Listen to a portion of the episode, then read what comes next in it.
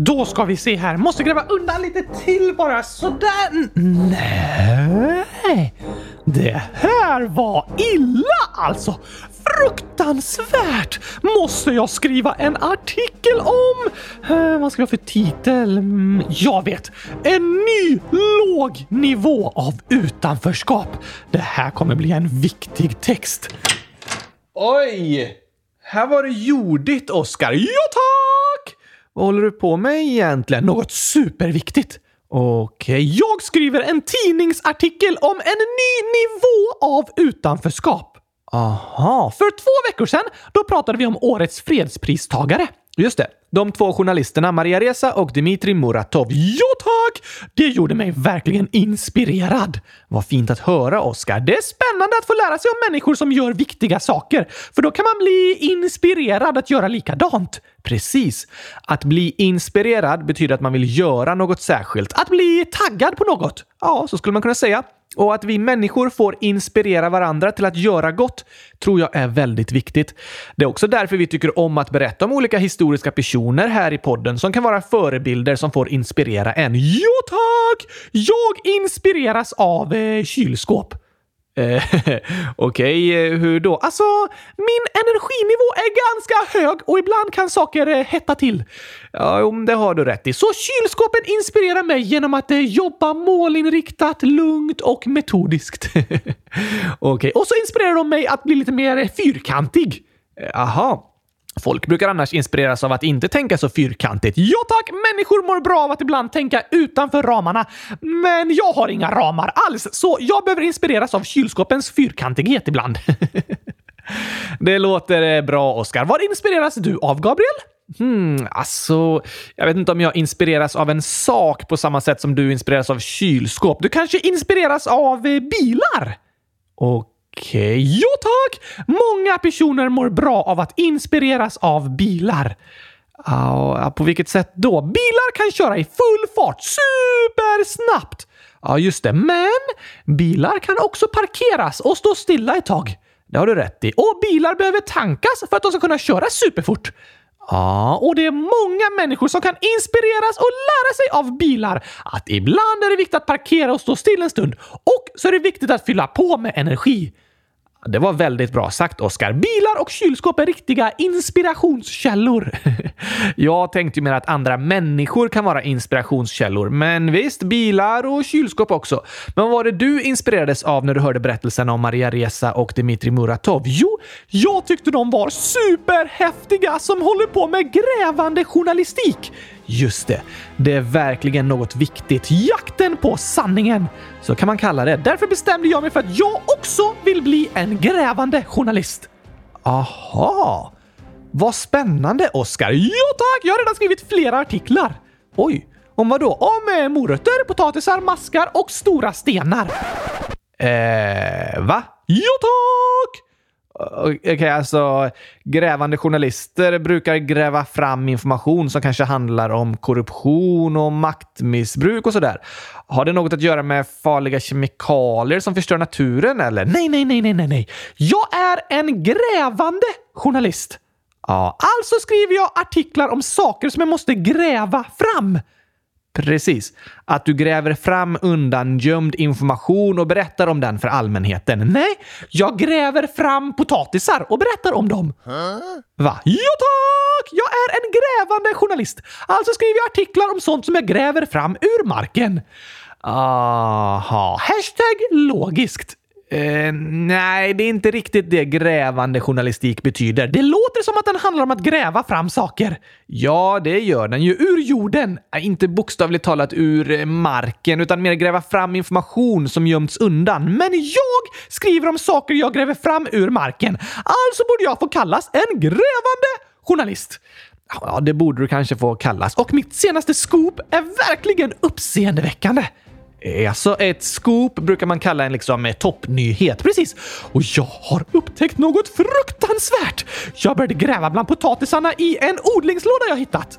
Aha, det är därför det är så jordigt här. Ja tack! Och då upptäckte jag ett fruktansvärt utanförskap. Okej, Till vänster fanns det fem potatisar. Till höger fanns det bara en potatis. oj då. Inte snällt. Nej, otroligt låg nivå. Till och med under marken. Ja, snacka om låg nivå, eller hur? Så nu håller jag på att skriva en artikel om den nya låga nivån av utanförskap bland potatisarna. Detta måste uppmärksammas. Vi måste göra något åt det här problemet. Alltså, jag vet inte om den potatisen är ledsen över att vara själv på sin sida. Den har ju mycket plats att växa på och sådär. Och det är viktigt att inte plantera plantor för nära varandra. Det kanske kommer fler potatisar på den sidan snart. Så du tycker inte detta är ett allvarligt problem?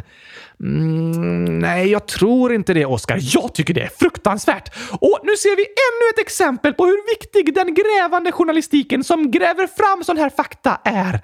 Grävande journalistik handlar inte riktigt om att gräva fram potatisar. Men okej, okay, Oskar. Det kan bli en bra artikel. Har du skrivit några fler eller? Ja tack! Jag har skrivit om maskar som maskar. Eh, alltså, när de spelar fotbollsmatcher kommer de aldrig någon vart för de maskar hela tiden.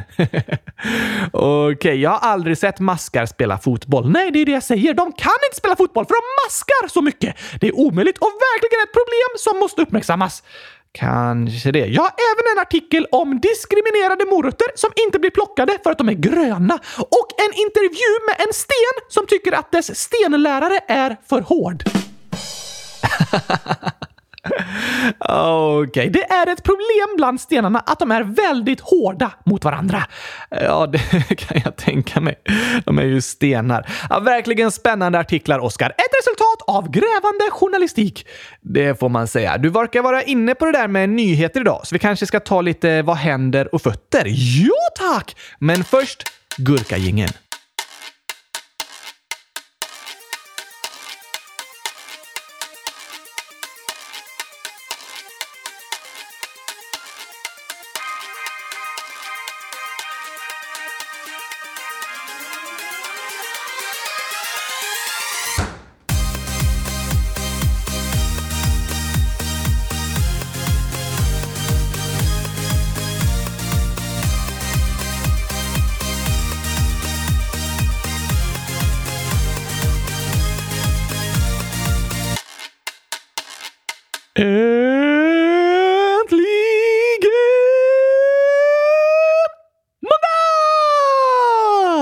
Och äntligen avsnitt... Eh, nu måste jag kolla efter här. 228! Nej.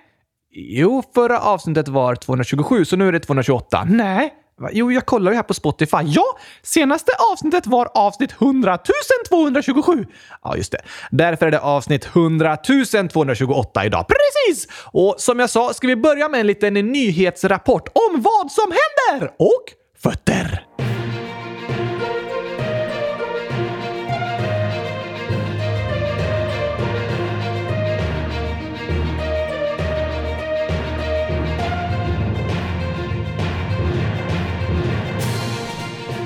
Här i kylskåpsradion har vi länge följt en man som heter Alexej Navalny som kämpar mot korruption och för mänskliga rättigheter i Ryssland. Precis. Han blev ju förgiftad av nervgift och låg länge i koma på ett sjukhus i Tyskland innan han till slut blev frisk och då reste tillbaka till Ryssland. Men blev tagen direkt och är nu dömd till över tre års fängelse. Inte en särskilt rättvis dom.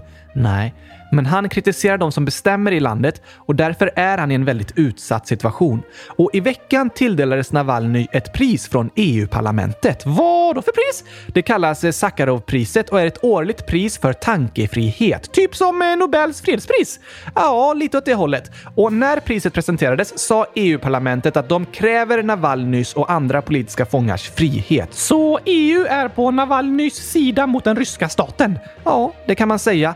Och det blev väldigt väldigt tydligt med priset som presenterades i veckan. Även om situationen inte är löst så är det bra att han i alla fall har stöd.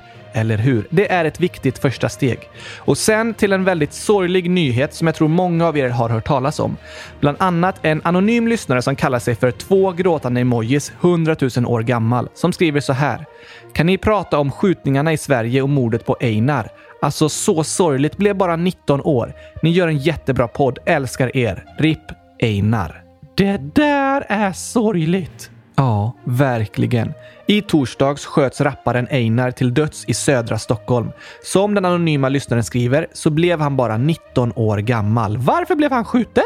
Det är det ingen som vet säkert än, men det är väldigt många som gissar och påstår sig veta. Hur då? De hittar på olika teorier och använder även det som har hänt för att dra olika politiska poänger. Men polisen håller på med en utredning och än så länge har de inga svar. Och tills dess tror jag det är bra att vara försiktig med att påstå och gissa för mycket saker. Som respekt för Einar, för att inte sprida lögner om honom. Just det! Men något som är säkert är att det som hände var fruktansvärt sorgligt. Och jag tror det är viktigt att vi som samhälle reflekterar över det som har hänt och gör vårt bästa för att hemskheter inte ska drabba fler. Vem var Einar? Han var en av Sveriges kändaste artister. Han var rappare och låtskrivare och slog igenom redan som 16-åring. Han vann bland annat det stora svenska musikpriset Grammis för Årets hiphop och Årets nykomling. Aha! Är det extra sorgligt när en känd person dör? Eller varför skrivs det mycket mer om dem än andra som dör? Nej, alla människor är lika mycket värda och det är lika sorgligt vem som än drabbas av hemskheter. Men det kan kännas så som du säger ibland, Oskar, när man läser i tidningar och ser på nyheterna. Men alltså, om en person dör så är det ju väldigt sorgligt för de som känner den personen. Till exempel för de andra i familjen. Ja, familj och vänner sörjer den som har dött för de hade en relation till den personen. Och när det kommer till offentliga personer, även kallat kändisar, så är det många människor som har en relation till dem, även fast de kanske aldrig har träffats. Just det! Man kanske följer dem i sociala medier eller lyssnar på deras musik. Till exempel. Man blir nästan som vänner, eller i alla fall bekanta, fast på distans. Så när en offentlig person dör är det många som påverkas av det och sörjer tillsammans för att de hade en relation till den personen. Och därför pratas det mycket om det på nyheterna också, för att det är nyheter som berör många. Aha! Men det handlar inte om att olika människor är olika mycket värda? Nej. Hette Einar Ripp i förnamn? Vad menar du? Jag har sett många som skrivit Ripp Einar. Ah, nej, det är inget namn utan en förkortning. Och vi kan ta den som dagens ord.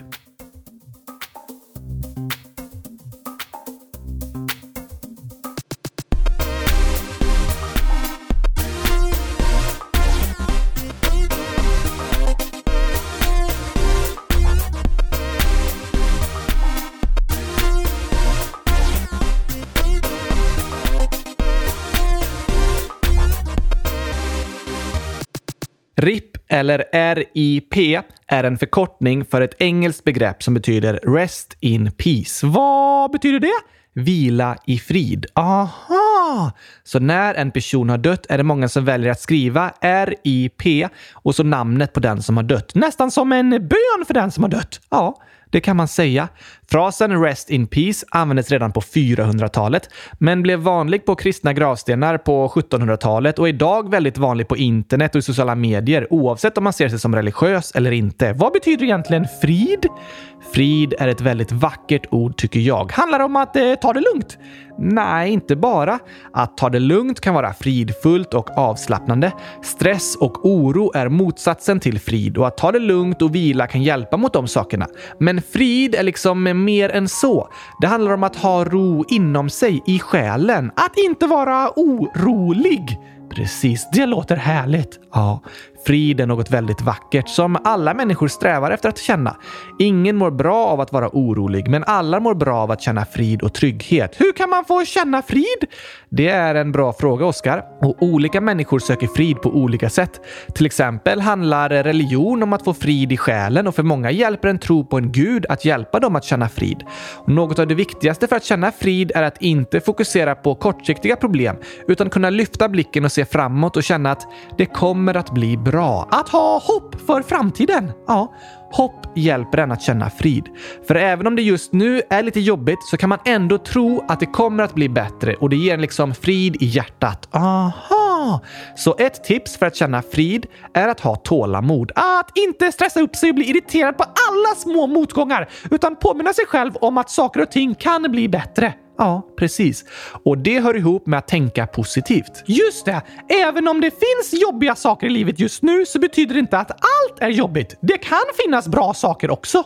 Det har du rätt i, Oskar. Och att kunna fokusera på de bra sakerna och tänka positivt ger en hopp för framtiden och frid i själen. Jo tack! Och för att lättare kunna tänka positivt hjälper det att känna tacksamhet för det man har. Det finns mycket att vara tacksam för. Verkligen. Det finns många saker i vår vardag som vi nästan glömmer bort, men som vi kan vara väldigt tacksamma för. Så en säng att sova i och ett varmt täcke att värma sig under. Det är fantastiska saker. Och tak över huvudet som skyddar en mot regnet så man inte blir blöt. Precis. Mat att äta, en skola att få gå till, kompisar, familj, kylskåp! Ja, kylskåp är verkligen något att vara tacksam för. De är helt fantastiska. Jag kunde inte sagt det bättre själv, Gabriel! När vi känner tacksamhet så är det lättare att känna lycka och det hjälper oss att tänka positivt och få hopp för framtiden och frid i själen. Hashtag lifehack! Att påminna sig själv om saker man är tacksam över är verkligen ett lifehack. Ett bra tips för livet. På kvällen när man ska sova kan man tänka på saker man är tacksam för under dagen som har gått. Just det. Det är ett väldigt bra tips, Oskar. Att tänka på sånt som gör en glad, sånt man är tacksam för. Det hjälper en att få ro och frid innan man ska sova. Därför tänker jag alltid på gurkor innan jag ska lägga mig. Och sen sover jag så gott. Låter härligt. Vet du något annat som jag tror kan hjälpa en känna frid och minska ens oro? Förutom gurkor? Ja, du menar kylskåp? Ja, men det sa jag förut att jag också är tacksam för. Ja, just det, just det. Men något mer! Mer än gurkor och kylskåp. Oj då, det är mina två vanligaste gissningar när det gäller dig. Det är väldigt smart att gissa på gurkor och kylskåp när det kommer till mig, Gabriel. Ja, jag har lärt mig det genom åren. Det tog väl inte så lång tid att lära sig det? Nej, alla som träffar dig förstår ganska snabbt att det är de sakerna du älskar. Men något annat som dämpar oro och får en att känna frid? Vill du veta?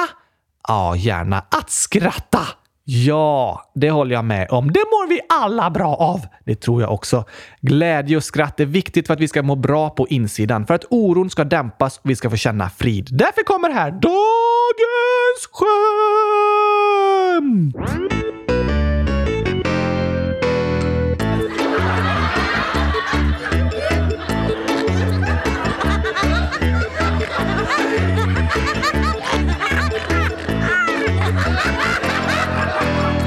Du skojade lite om eh, stenar tidigare, Oskar. Skojade? Det var ett allvarligt journalistiskt gräv! Eh, ja, just det. Men du sa att stenarna tycker läraren är för hård. Ja tack, den är ju hård som sten! Precis, och vi har lite fler stenskämt här från Bastian 100 000 gurkaglassar. Sju år. Va? Stenskämt? Ja, här är några av dem. Vilken ädelsten är godast? Ädelsten? Ja, en ädelsten är liksom en fin slags sten. Typ diamant till exempel. Okej, okay, då gissar jag på diamant. Det är tyvärr fel, men det är tyvärr den enda ädelstenen jag känner till. Ja, rätt svar är i alla fall smaragder. Ah, den känner jag också igen! Ja, smaragder har du kanske hört talas om. De låter smarriga. Eller hur? Smarriga smaragder. Väldigt tokigt skämt. Och nästa gåta är vilken ädelsten är en prickskytt? Eh, är guld en ädelsten? Nej, det är en ädelmetall. Ah, typiskt. Då gissar jag på uh, guld. Men det är ju inte en ädelsten, sa jag. Nej, men det är fortfarande min bästa gissning. Fastän du vet att det är fel. Ja, tack! Ah, Okej. Okay. Rätt svar är Rubin Hood. Rubin låter som Robin Hood. Ja, eller hur? Tokigt. En sista från Bastian 100 000 gurkaglassar. Vilken är den snabbaste metallen? Hmm, silver. Nästan. Okej, okay. om man nästan får silver, då får man brons. Ja, det, så är det ju. Men eh, rätt svar är kvicksilver. Ah. Aj, det låter som det är kvickt, eller hur? Så om man vinner en löptävling borde man inte få en guldmedalj utan en medalj gjord av kvicksilver, för man är riktigt kvick. Ja, faktiskt. Dock är kvicksilver flytande vid rumstemperatur. En flytande metall! Coolt! Ja, det är verkligen coolt. Fler skämt! Okej, K 11 år skriver “Vad heter de moderna gammaldags bilarna?” Eh, rullande kylskåp? Nej, de är moderna men ändå gammeldags. Varför gammeldags? Kylskåp har funnits ganska länge. Ja, men det har du rätt i. På tal om det så har vi fått in en klurig fråga om kylskåpets historia. Okej, vi kan ta den när vi är klara med dagens skämt. Ja tack! Men rätt svar var inte rullande kylskåp. Moderna gammaldags bilar. Hä? Nej, jag har ingen aning. Rätt svar är Hessla. Ah. Låter som Tesla fast hästar. Precis. En kombination mellan moderna och gammaldags transportmedel. Det här då? Nore, 11 år, skriver Varför ramlar de där ungarna hela tiden? Jo, det är ju trillingar! Trillingar. Oj, oj, oj, oj, oj, oj, oj, oj. Gurka, gurka, gurka, gurka, gurka. Det låter som trillingar trillar hela tiden. Det gör det faktiskt. Och vi pratade ju tidigare om hur viktigt det är att känna tacksamhet. Just det, det gör en glad, hjälper en tänka positivt och ger en frid inombords. Just det. Och här är ett inlägg från Jona, 11 år, som handlar om något vi kan vara tacksamma för. Vad då? Det står “Kanske lite äckligt”. Något vara tacksam för? Det är väl inte choklad? Nej då. Jona har skickat en bild där det står “Om livet känns lite jobbigt, så tänk då på nålfisken som både föds och lever hela sitt liv i en sjögurkas rumpa.” Nej! Mig. bor fisken i sjögurkans rumpa? Japp, sjögurkor är tokiga alltså. De andas ju till och med genom rumpan. Ja, det har du rätt i, men jag håller med. Har man en tung dag kan man i alla fall vara tacksam för att man inte bor i en sjögurkas rumpa. Det är något att känna tacksamhet över. Men nu till kylskåpsdilemmat! Okej, okay, så här skriver Nore, 11 år. Baltzar von Platen och Karl Munters är nog Oscars favorituppfinnare. De uppfann kylskåpet. Det första kylskåpet presenterades år 1922. Just det, och det är de faktiskt. Världshistoriens bästa uppfinnare. Tycker du ja. Vi pratade lite om dem i avsnitt 100 116. Kylskåpsspecial och födelsedagsfirande. Precis, otroligt bra avsnitt om jag får säga det själv. Absolut, men vad var det för klurig fråga du pratade om? Jo, förvirrad lyssnare 100 000 år skriver. Ni säger ju att han, eh, von Platen eller vad han hette, uppfann kylskåpet. Men det finns en podd som heter Äventyrsklubben och där finns det ett avsnitt om kylskåpet. Så här står det i beskrivningen. Lorentz och Florens, experter på uppfinnare, berättar om Florence Porpart som uppfann kylskåpet. Va? Snälla ta upp detta i podden. Aha, vad egentligen, Gabriel? Ja, du... Det är lite svårt att hitta så mycket fakta om Florence Parpart, men som med många stora revolutionerande uppfinningar så är det inte bara en person som är involverad i utvecklandet. Olika sorters maskiner och så utvecklas under ganska lång tid och det är olika uppfinnare som uppfinner olika delar. Aha! Och Baltzar von Platen och Carl Munters uppfann inte på egen hand kylskåpet, men de utvecklade funktioner som gjorde kylskåpet mycket modernare och mer användbart. De uppfann ett kylskåp utan rörliga delar och en kylteknik som skapar kyla genom att samla värme. Just det! Så funkar kylskåp fortfarande. Precis. En sån kylvätska finns i moderna kylskåp. Den uppfinningen gjordes år 1922, men åtta år tidigare, 1914, så hade Florence Parpart sökt patent för det elektriska kylskåpet. Va? Yes! Florence var dessutom en duktig säljare och marknadsförare, så hon började sprida sin nya uppfinning och startade sina egna reklamkampanjer. Så både en duktig entreprenör och uppfinnare. Wow! Jag måste lägga till Florence till mina favorituppfinnare genom alla tider! Det måste du verkligen göra, Oskar. Det är en lista med alla som haft något med kylskåpet att göra. Ja, ah, vilken bra lista med uppfinnare alltså. Ja, och vet du vad man behöver för att bli en bra uppfinnare? Um, kreativitet? Ja tack! Och stora drömmar. Det har du rätt i. Det är viktigt att kunna drömma om hur något ska bli i framtiden. Sant. Det gäller även eh, människorättskämpar. Ja, både de som uppfinner nya maskiner och de som kämpar för en bättre värld på andra sätt är riktiga drömmare. Det är fint att få drömma. Det håller jag med om. Att ha mål och drömmar är något som kan ge en hopp för framtiden och ge en kraft att kämpa för det man tycker är viktigt. Ja tack! Därför kommer här I drömmar kan alla flyga. Jag tror vi kan.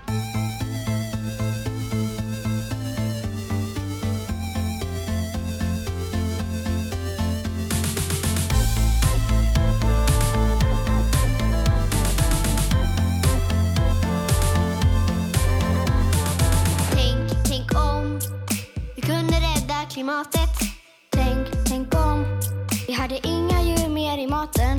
Tänk, tänk om accepteras så som jag är. Tänk, tänk om jag blir en tandlock och en konstnär. Jag drömmer om att alla får en katt med gosig päls. Alla borde ha det gosigt. Jag drömmer om en plats där jag får vara mig själv. Det kanske låter otroligt, men tänk på att i drömmar kan alla flyga. Är möjligt där. I drömmar kan alla mötas. Ingen ensam är.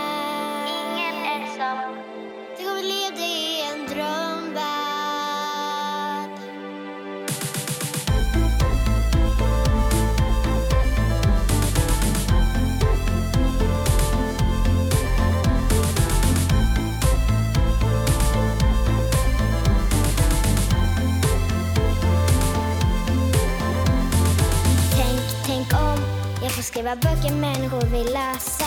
Tänk, tänk om. Vi hittar nya sätt att kunna resa. Tänk, tänk om. Jag blir polis som får hjälpa andra. Tänk, tänk om. Ingen längre från krig behöver vandra.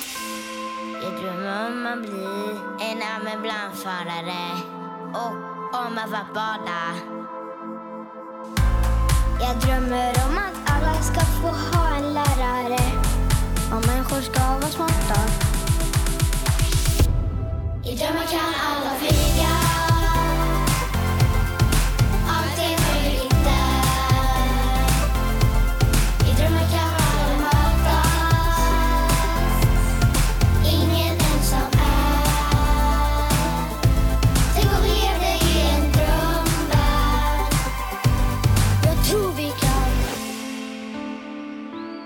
Även om man ser ut på ett speciellt sätt så är man ju lika mycket värd. Det är trappor ner till gympasalen. Det tycker jag är lite dåligt. Ja, jag är vegetarian. För att jag tycker synd om djuren. Det är som att de inte har tänkt på så här, ja men här börjar vi med rullstol liksom. Jag älskar att dansa. Man får röra på sig och man släpper tankarna och ja, allt. Man får inte se lika mycket lön som killar.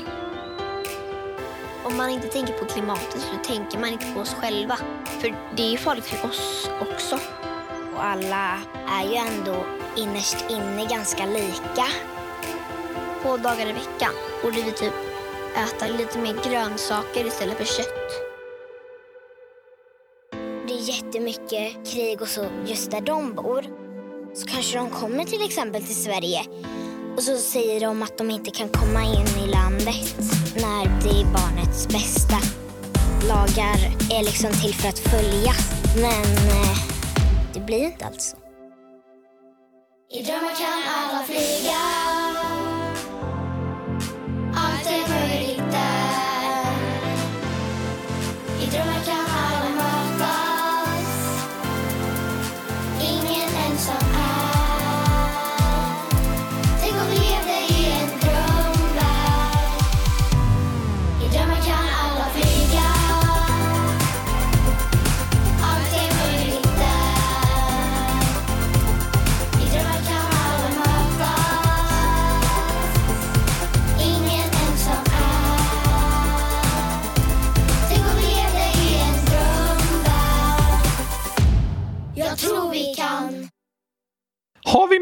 lyssnarinlägg att läsa upp idag, Gabriel? Såklart har vi det. Massor! Och faktiskt hälsningar från dina syskon.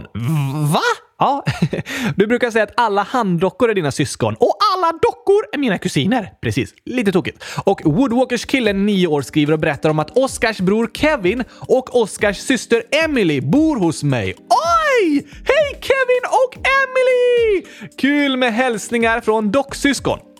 Och Lukas, 8 år, skriver “När jag spelar upp ett avsnitt så går det jättesnabbt. Varför då? Det är för att jag pratar snabbt som en Ferrari!” Ja, du pratar snabbt, men det går också att spela upp avsnittet i olika hastigheter. Va? Ja, i podcastapparna så går det att välja hur snabbt avsnittet ska spelas upp. Ja, ah, just det! Så det kan hända att du kommit åt den knappen, Lukas, och ändrat hastigheten. Ofta står det 1x när det är normal hastighet. X, det betyder gånger. Att vi bara säger allting en gång. Nej, utan när man multiplicerar något med 1 så blir det ju samma resultat. 1 gånger 100 000 är lika med 100 000. Precis, så så 1x är normal hastighet. Men om det står 0,5x, då blir det halva hastigheten. Aha! Hur låter det då? Det blir ganska tokigt. Kan vi lyssna? Eh, ja, visst. Ska vi spela upp något i halva hastigheten? Ja tack! Vadå?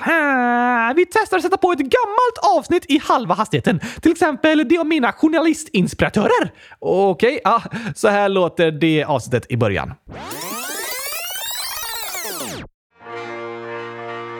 Vad är det här för ljud? Vad tror du? Det låter som att ett pris ska delas ut. Helt rätt, Oskar. Oj, oj, oj!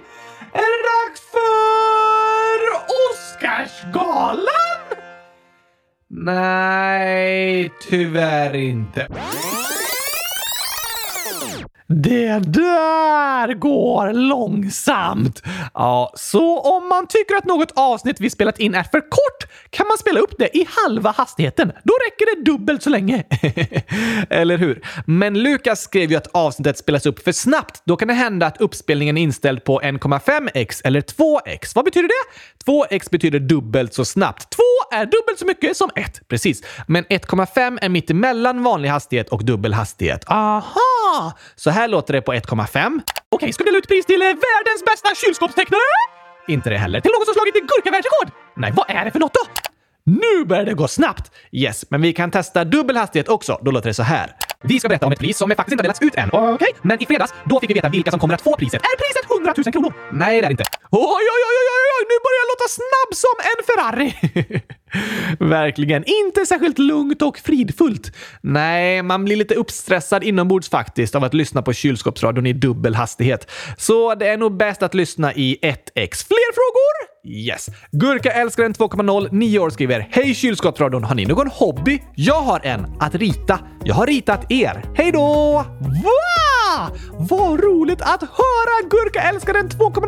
Min hobby är också att rita, nämligen kylskåp! Ja, det är det. Och jag älskar att eh, titta på och utöva sport. Det är nog min främsta hobby. Nästan lika roligt som att rita kylskåp. Jag tycker det är roligare. Inte jag! Nej, men alla måste inte tycka om samma hobbys. Det är det som är så fint, att vi får gilla olika. Det har du rätt i! Tack att du hörde av dig, Gurkaälskaren 2.0. Det gjorde oss väldigt glada. Min favorithobby är också att läsa lyssnarnas inlägg. Ja, det är min med. Där håller vi i alla fall med varandra. Och vi har ett inlägg här att läsa upp från Love Gurka, 100 000 år, som skriver “Jag är kär i någon i min klass. Vad ska jag göra? PS. Hur många emojis?” Och så är det 52 stycken ledsna emojis och en gråtande GIF. Åh, det där kan vara en klurig situation. Ja, det vet jag också. Och jag tror även det är många lyssnare som känner igen sig i det du skriver, Love Gurka. Men det är ju inget dåligt med att vara kär. Nej, så det är inget som man i sig behöver vara ledsen för. Men sen kan det kännas nervöst och klurigt beroende på vad den andra personen tänker och så. Just det! Och det finns inget enkelt svar på vad du kan göra, Love Gurka. Det beror på vad du känner för. Det finns inga rätt eller fel. Det kan vara skönt att berätta för personen vad du känner så du får veta om hen känner likadant. Men det kan också vara nervöst och jobbigt så du måste inte göra det om du känner att du inte vill. Nej tack! Målet är att du ska må bra i situationen. Och om det är så att du berättar, så kom ihåg att oavsett vad den andra personen svarar, så är du fortfarande bra som du är. Det har du rätt i! Ofta kan vi vara nervösa för att berätta att vi tycker om en annan person för att vi är rädda att den inte ska gilla oss tillbaka. Men då kan man påminna sig själv om att mitt värde som person beror inte på om den andra personen gillar mig eller inte. Jag är bra så som jag är. Det kan jag känna mig trygg i. Jag behöver inte ändra vem jag är för att bli älskad, utan förtjänar att bli älskad precis så som jag är. Ja tack! Och det hoppas vi att du ska få känna, Love Gurka. Och om du känner dig trygg i det kan du sen välja om du vill prata med personen du är kär i eller inte. Lycka till! Vi tycker supermycket om dig och önskar dig allt det bästa. Det gör vi. Och här har vi ett till inlägg om ritade saker, Oskar. Det är min åtta år som skriver “Kolla vilken fin bild jag har gjort på Oskar! PS. Jag älskar er podd. BS. Gurka är min favoritgrön sak. Åh, vilken fantastiskt vacker bild, Emin! Ja, verkligen. Och underbart att höra att gurka är din favoritgrönsak. Min också! Och superroligt att höra att du tycker om podden. Tack för att du hörde av dig till oss. Hör gärna av dig igen! Jag gör gärna det. Roligt att du lyssnar. Och Anonym 100 000 år skriver “Kan ni prata om sex i nästa avsnitt? Det är ett viktigt tema.” Ja, och det var särskilt en period förra året då vi pratade extra mycket om kroppen och puberteten och så. Bland annat hade vi ett specialavsnitt om sex. Avsnitt 100 102! Precis. Lyssna gärna på det. Då svarar vi på många lyssnarfrågor. Och vi fortsätter även prata om puberteten i avsnitt 100 111. Ja, tack! Men det viktigaste när det handlar om avsnitt om sex och kroppen så är det att vi vill säga till er att det är ämnen som det är helt okej okay att prata om. Alla människor har en kropp, så det är det mest naturliga som finns att fråga om. Precis. Ni lyssnare är i väldigt många olika åldrar och då kan man behöva olika saker förklarade på olika sätt. För kroppen förändras mycket när man växer upp. Det gör den. Därför är det lite svårt för oss att säga saker som gäller för alla. Men det viktigaste är att ni får känna att det inte är pinsamt att ställa frågor om kroppen. Det är superbra. Så vi hoppas att du kan prata med någon äldre person som du tycker om och litar på så att den personen kan få svara på dina frågor på ett sätt som passar just dig. Ja, tack! Men lyssna gärna också på avsnitt 100 102 och 100 111 anonym och fortsätt att höra av er med frågor så ska vi svara på dem så gott vi kan här i podden. Vi kanske inte kan svara på riktigt allt som skickas in, men vi gör vårt bästa. Det viktigaste är dock att våga fråga. Ja, våga fråga, även om sånt som har med kroppen att göra. Alla har vi en kropp och det är inte pinsamt att ställa frågor om den. Så tack för att du hörde av dig Anonym. 100 tusen tack! Vi har även en fråga från Melvin, 100 000 år, som skriver “Orkar Oskar äta 100 000 gurkaglassar?” Såklart orkar jag det! Det är väldigt många Oskar. Nej tack, ta bara en minut för mig. Du kan inte äta hundratusen glassar på en minut. Jo, jag har en väldigt stor mun. Ja, men det är fortfarande alldeles för många. Nej, nej, nej, nej, nej, nej, nej, nej, nej, nej, tack! Jag är glassätarkungen som äter hundratusen glassar på en minut. Först en glass, och så sväljer jag den och sen tar jag en till. Ja, du menar för att 1 plus 1 lika med 100 000? Precis. Ah. Nej, det stämmer inte. Det är inte 100 000 glassar. Jo tack! Och jag kan äta 100 000 glassar på en minut. Ja, det kan väl jag också då. Eller eh, ja, då får det vara små glassar som har tinat lite så de går snabbt att äta och inte är för kalla. Men du blir inte mätt eller? Det är ingen skillnad. Ingen skillnad? Nej tack, jag är 65 centimeter före jag ätit och 65 centimeter efter. Lika lång? Ja, men menar... Uh, du menar du är mätt? Precis! att någon har mätt dig. Jag menar att din mage blir full. Det kan den inte. Kan inte din mage bli full? Nej tack, för jag kan inte svälja. Ah, just inte, Men du sa innan att du sväljer. Nej, men jag menar att jag äter så här. Aum! Okej, okay. och vad händer med glassen? Det här går inte riktigt ihop, Oskar. Gurka och glass? Jag tycker det går perfekt ihop! Det är till och med det bästa som finns i hela världen! Men Jag menar att du äter när du inte kan svälja, att du kan äta hundratusen gurkaglassar på en minut. Nej, det funkar inte. Det är sant. Är det verkligen det? Ja tack! Det är lika sant som att jag kan säga sant! Ja, men du kan ju inte säga sant för du har ingen egen röst. Precis. Ah, ah, okej. Okay. Men du, vi pratade lite om nyheter idag. Har du något mer att berätta om som har hänt det senaste? Ja, det finns såklart massor av nyheter vi kan prata om. Till exempel att det laget jag är på, Liverpool, slog Manchester United med 5-0 igår. Inte fotboll! Nej, nej, nej, nej, nej, nej, tack! Okej, har du inga nyheter om VM i gurkakastning istället? Nej, för det har inte genomförts något sådant. Nähä, men så här skriver Lullu, 12 år. Jag ska ta covid-sprutan, vaccin, på måndag. Snälla svara den 25 tar jag sprutan för covid-19. Aha! Grattis Lullu! Ja, det kan vi säga. Vilka åldrar får vaccinera sig? Sen i mitten av september rekommenderar Folkhälsomyndigheten allmän vaccination från 12 år. Aha! Varför inte de som är yngre? Coronaviruset är ju inte så farligt för barn. Det är farligast för personer som är gamla eller har andra sjukdomar som gör att de är i riskzon. Just det! Därför började de äldsta människorna vaccineras redan runt nyår, medan vuxna i min ålder fick vaccineras först under sommaren och nu utökas rekommendationen till att även gälla barn från 12 år.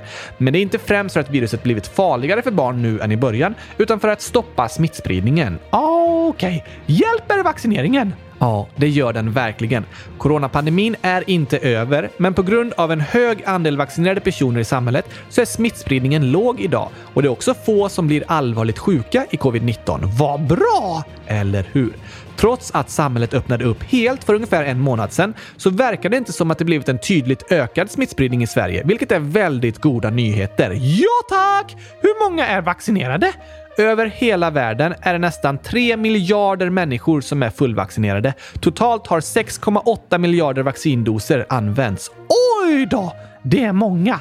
Verkligen. Men fortfarande bara under 40 procent av världens befolkning. Så det finns fortfarande många som går och väntar och längtar efter vaccinet. Vill alla bli vaccinerade? Nej, det är inte alla som vill och var och en får välja för sig själva. Men eftersom vaccinet inte bara skyddar en själv utan alla människor runt om en så är det många länder som överväger olika sorters regler som kräver att man är vaccinerad. Aha! I vissa länder behöver man till exempel visa upp vaccinationspass för att få gå in på restauranger eller andra allmänna platser. Vad är det? Det är en QR-kod som bevisar att man har vaccinerats. Det går även att visa upp ett negativt testsvar för att få komma in. Oj då! Och i Sverige och de flesta länder i Europa har i princip alla människor som vill vaccineras fått möjlighet till det. Men i många andra länder finns det människor som går och längtar och väntar efter att få bli vaccinerade. Aha! Vad är ett vaccin egentligen? Nu när vaccineringen börjar bli aktuell även för flera av er lyssnare så kan vi ta det som dagens ord. Ett till dagens ord! Ja, just det, vi har redan haft ett. Eh, ja, varför inte? Men då tar vi musiken dubbelt så fort. Okej, okay, det kan vi göra.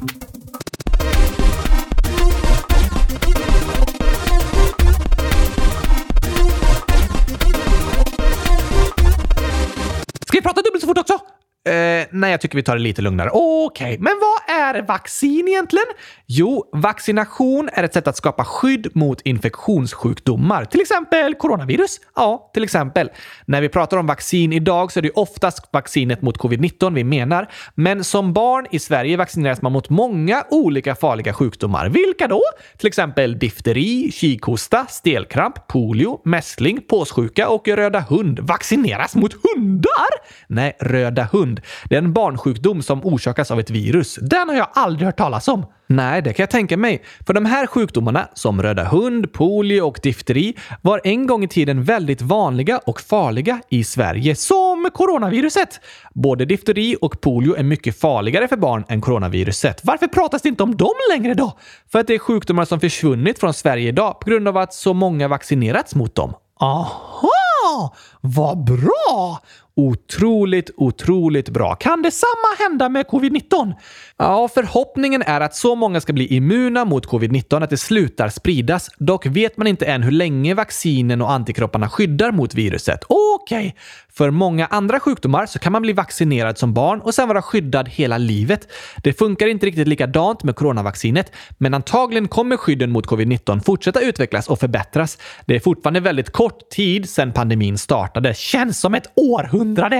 Ja, nästan faktiskt. Men forskarna utvecklade fungerande vaccin världsrekordsnabbt och sätten att skyddas mot covid-19 kommer fortsätta att utvecklas. Ah, vad bra! Hur fungerar ett vaccin?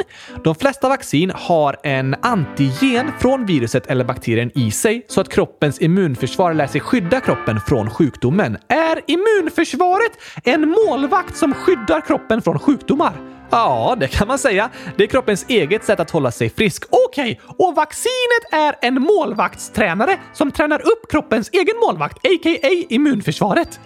Det var en bra beskrivning, Oskar. Vaccinet tränar upp immunförsvaret, men all sjukvård och mediciner utvecklas ju hela tiden, så även vaccin. Och sedan 1990-talet har forskarna börjat jobba på ett nytt slags vaccin som kallas mRNA-vaccin. Hur fungerar de? De är lite annorlunda. För klassiska vaccin tränar upp immunförsvaret genom att ett antigen från själva viruset förs in i kroppen. Men mRNA-vaccin innehåller istället något som kallas budbärar-RNA. Har det något med DNA att göra? Ja, DNA och RNA hör ihop. I vårt DNA finns all vår genetiska information som berättar för kroppen hur den ska fungera mRNA är en kopia av DNA som styr hur proteiner i kroppen ska tillverkas. Eh, Okej? Okay. Det är ungefär som att informationen i vårt DNA är ett stort bibliotek. Där kanske till exempel finns en bok som berättar om hur man bygger en båt. Och så vill jag bygga en båt. Därför kopierar jag instruktionerna från boken och tar med mig hem där jag ska bygga. Varför tar du inte med dig själva boken? För då finns det en risk att den försvinner från biblioteket. Och dessutom finns det många andra som också vill ha kopior på ritningarna. Så den lämnar inte biblioteket, men jag kan kopiera den så jag har informationen hemma när jag bygger. Okej! På samma sätt är mRNA en kopia av informationen som finns i vårt DNA. Och det som kopieras är ritningar för hur kroppen ska bygga proteiner. Ja, fattar! Och ett mRNA-vaccin ger kroppen ritningar för hur kroppen ska utveckla skydd mot till exempel coronaviruset. Aha! Vad häftigt! Det är otroligt häftigt. Förändrar vaccinet kroppens DNA? Nej, som i exemplet så är DNA lagrat säkert inne i biblioteket. Vaccinet ändrar inte de ursprungliga ritningarna utan ger bara kopior på ritningar som berättar om hur ett skydd mot covid-19 ska byggas. Hashtag klurifaxigt! Eller hur? Fungerar alla coronavaccin så? Nej, två av de nya vaccinen är mRNA-vaccin. Det är Pfizer och Modernas vaccin. De andra fungerar på andra sätt. Men alla skyddar mot samma sjukdom. Ja, precis. Idag finns det många olika sorters vaccin, vilket är superduperbra. Och därför har olika företag utvecklat olika slags coronavaccin. Okej, okay.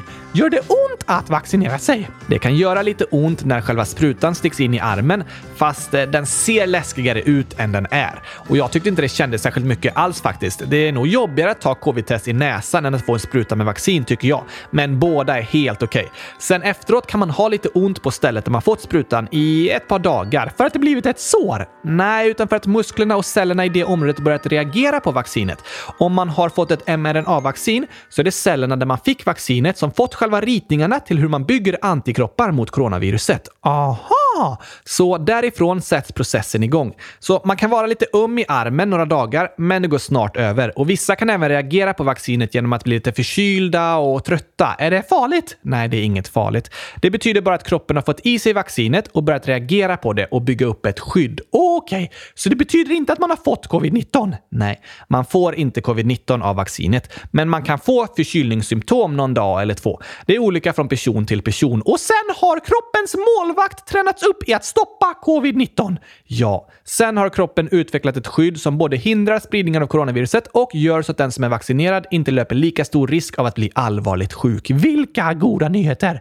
Jag håller med. Minns du när vi satt i karantän, Gabriel?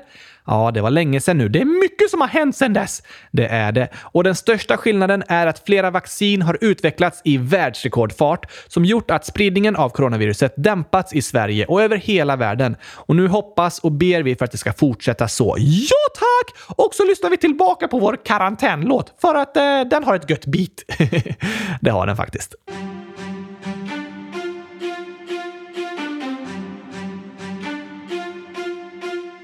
Ibland går livet upp, ibland kan det gå ner. Ibland i glasskiosken är chokladglass allt du ser. Solen byts mot regn, men vintern blir till vår. Och du får gurkaglass i mängden när du fyller år. Vi önskar att vi kunde bestämma vad som kommer ske. Men ibland får vi kontrollen lämna och bara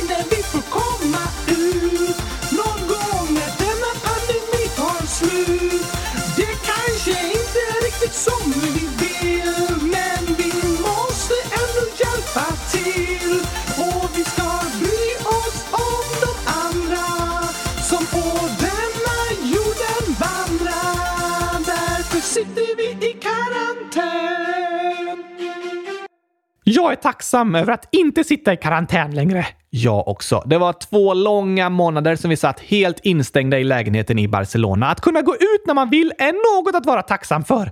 Det är faktiskt bra att påminna sig om. Det finns mycket att vara tacksam för. Väldigt mycket. Och när man påminner sig själv om det så är det lättare att känna glädje och få frid inombords. Något annat som ger glädje är att fylla år. Därför kommer här en hälsning till Jonathan, 100 000 år. Jag fyller år på måndag den 25 oktober. Det är ju idag! Woho! Gratis på födelsedagen! Hoppas du får en superduper bra födelsedag med massor av gurkglass till exempel, eller något annat som just du tycker om. 100 tusen grattis till dig! Det önskar vi dig. Och vi önskar alla er lyssnare en superbra vecka. Vi säger stort lycka till på vaccinationen till dig Lulu. Jag tror det kommer gå bäst i test. Det tror jag också. Och vi säger lycka till till alla er lyssnare som kanske ska vaccinera sig. Man kan vara lite nervös innan det är dags, men det är tre miljarder andra människor som gjort samma sak i år och det kommer gå bra även för dig. Lycka till! Och tack till alla som hört av sig och tack till alla som lyssnat. Vi tycker så mycket om er, lika mycket som eh, gurkaglass. Oj, oj, oj. Gurka, gurka, gurka, gurka. Vi hörs igen på torsdag. Woho! Tack och hej! Vaccinerad gurkapastej! hej då! Nu ska jag gå och gräva fram lite fler uppseendeväckande nyheter ur rabatten. Gör du det, Oskar? Grävande journalister for the win!